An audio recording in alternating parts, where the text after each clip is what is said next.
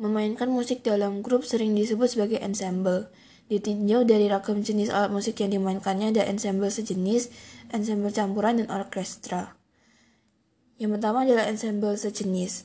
Ensemble sejenis adalah ensemble yang memainkan alat musik dari jenis yang sama, misalnya ensemble perkusi, ensemble tiup, ensemble gesek, dan sebagainya.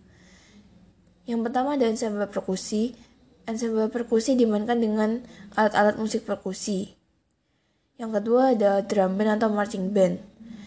Dalam drum band atau marching band, instrumen musik perkusi dibawa oleh pemain dan dimainkan dalam barisan. Ragam instrumen musik perkusi yang digunakan alat drum band umumnya lebih sedikit daripada yang digunakan pada permainan alat marching band. Contoh instrumen ini antara lain adalah snare drum, drum tenor atau queen, drum bass, dan cymbal. Yang ketiga ada ensemble tiup. Ensemble tiup adalah ensemble yang seluruh instrumen musiknya terdiri atas alat-alat musik tiup.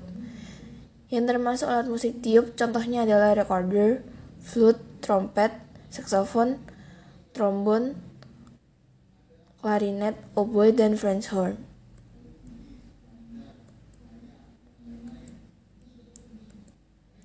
Yang ke Empat ada ensemble gesek. Ensemble gesek merupakan ensemble dengan kelompok alat musik gesek seperti violin, biola, cello, dan kontrabas.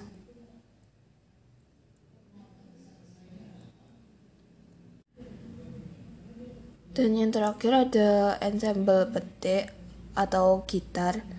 Ensemble petik atau gitar tentu yang dimainkan adalah gitar semuanya. Sebagaimana namanya, ensemble gitar menggunakan instrumen utama yaitu gitar.